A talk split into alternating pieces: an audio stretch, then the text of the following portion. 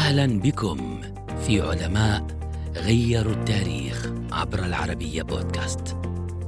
شك ملك سراقوسا في جزيرة صقليه الإيطالية أن الصائغ قام بغشه عندما صنع له تاجا ذهبيا. فاستعان باعظم عالم في ذلك العصر ليكشف له غش الصائغ، فكان ذلك بداية ولادة إحدى نظريات الفيزياء العظيمة.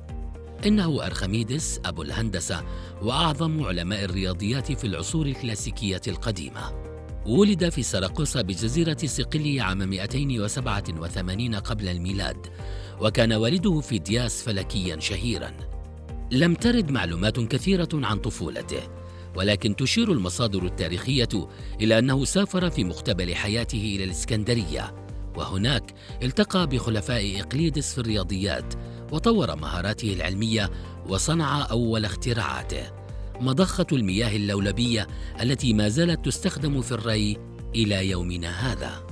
سافر بعد ذلك إلى اليونان لينهل المزيد من العلوم ثم رجع إلى بلده سراقوسا برع في الاختراعات الهندسية والرياضية ويعد من أعظم تلك الاكتشافات قاعدة أرخميدس في الطفو والتي ما زالت تدرس إلى يومنا هذا في الفيزياء.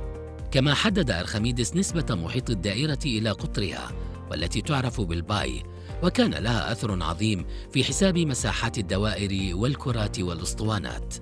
لم يغفل أرخميدس دور الروافع الميكانيكية في تطوير صناعات الآلات فوضع نظريته عن الروافع والتي تعتبر من أهم النظريات في الفيزياء النظرية. واخترع أيضا العجلات المسننة واكتشف نظرية العتلة. نسب إليه اختراع آلات حربية ساعدت على صمود سراقوسا قبل سقوطها على يد جيش الروم.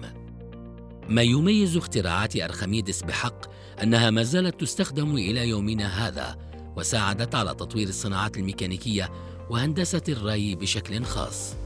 وصفه أمير الرياضيات العالم الألماني كارل جاوس بأنه واحد من أعظم ثلاثة أنجبتهم البشرية في الرياضيات. لم ترد معلومات وافرة عن حياته الشخصية ويقال إنه قتل في منزله أثناء دراسته لإحدى نظرياته عام 212 قبل الميلاد على يد جندي من جيش الروم أثناء غزو سراقوسا من أعظم أقواله أعطني رافعة ونقطة ارتكاز وسأنقل العالم.